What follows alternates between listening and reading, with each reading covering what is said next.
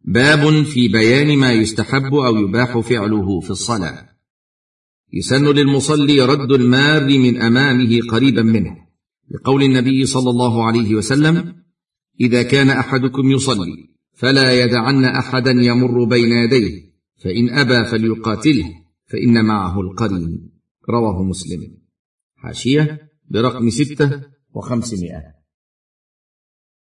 لكن إذا كان أمام المصلي سترة أي شيء مرتفع من جدار أو نحوه فلا بأس أن يمر من ورائها.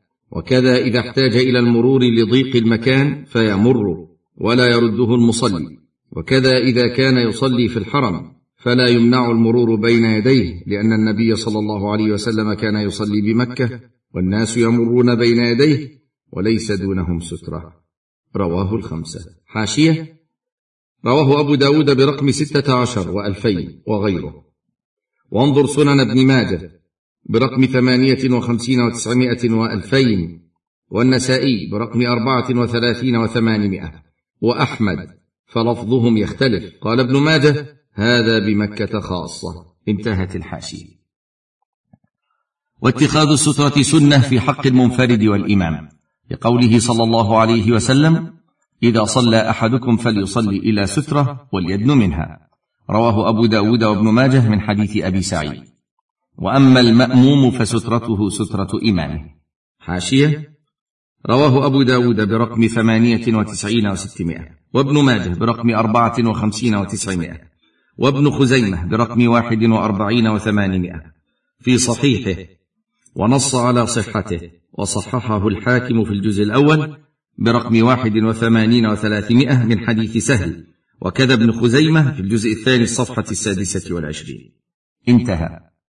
وليس اتخاذ السترة بواجب لحديث ابن عباس أنه صلى الله عليه وسلم صلى في فضاء ليس بين يديه شيء. رواه أحمد وأبو داود. حاشية. رواه أحمد في الجزء الأول الصفحة الرابعة والعشرين والمئتين وضعفه الهيثمي في المجمع في الجزء الثاني الصفحة الثالثة والستين ورواه أبو داود برقم ثمانية عشر وسبعمائة. قال المنذري والنسائي برقم تسعة وعشرين وثمانمائة بنحوه. انتهى. وينبغي أن تكون السترة قائمة كمؤخرة الرحل أي قدر ذراع سواء كانت دقيقة أو عريضة. والحكمة في اتخاذها لتمنع المار بين يديه ولتمنع المصلي من الانشغال بما وراءها. وإن كان في صحراء صلى إلى شيء شاخص من شجر أو حجر أو عصا. فإن لم يمكن غرز العصا في الأرض وضعه بين يديه عرضا. وإذا التبست القراءة على الإمام فللمأموم أن يسمعه القراءة الصحيحة. ويباح للمصلي لبس الثوب ونحوه وحمل شيء ووضعه وفتح الباب وله قتل حية وعقرب. لأنه صلى الله عليه وسلم آمر بقتل الأسودين في الصلاة الحية والعقرب. رواه أبو داود والترمذي وصححه. حاشية. رواه الترمذي برقم تسعين وثلاثمائة.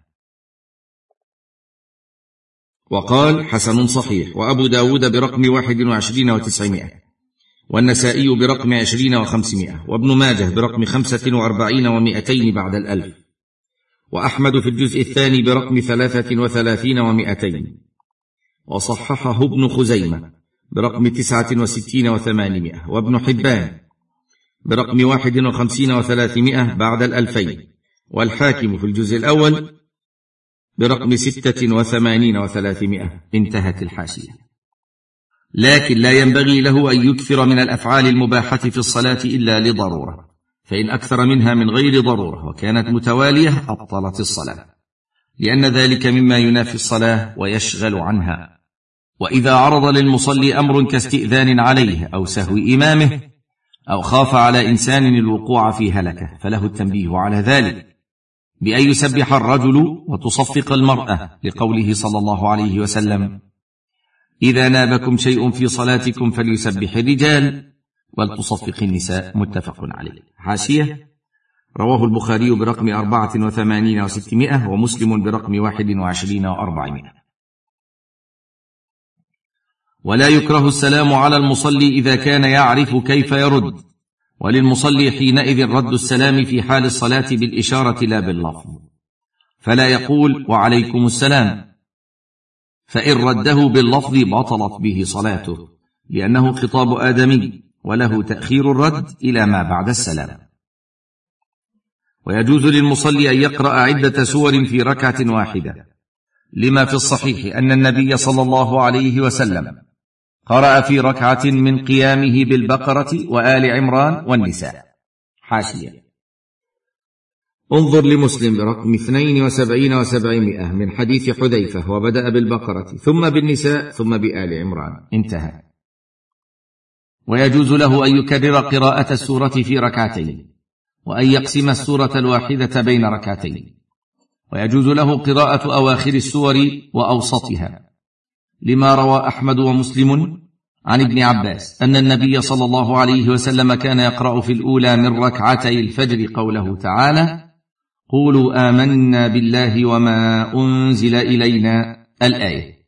وفي الثانية الآية في آل عمران قل يا أهل الكتاب تعالوا إلى كلمة سواء بيننا وبينكم الآية. ولعموم قوله تعالى فاقرأوا ما تيسر منه. لكن لا ينبغي الإكثار من ذلك بل يفعل أحيانا. وللمصلي أن يستعيذ عند قراءة آية فيها ذكر عذاب وأن يسأل الله عند قراءة آية فيها ذكر رحمة. وله أن يصلي على النبي صلى الله عليه وسلم عند قراءة ذكره لتأكد الصلاة عليه عند ذكره. هذه جملة من الأمور التي يستحب لك أو يباح لك فعلها حال الصلاة. عرضناها عليك رجاء أن تستفيد منها وتعمل بها. حتى تكون على بصيرة من دينك. ونسأل الله لنا ولك المزيد من العلم النافع والعمل الصالح.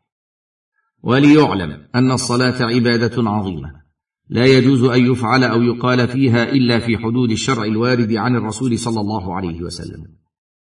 فعليك بالاهتمام بها ومعرفة ما يكملها وما ينقصها حتى تؤديها على الوجه الأكمل.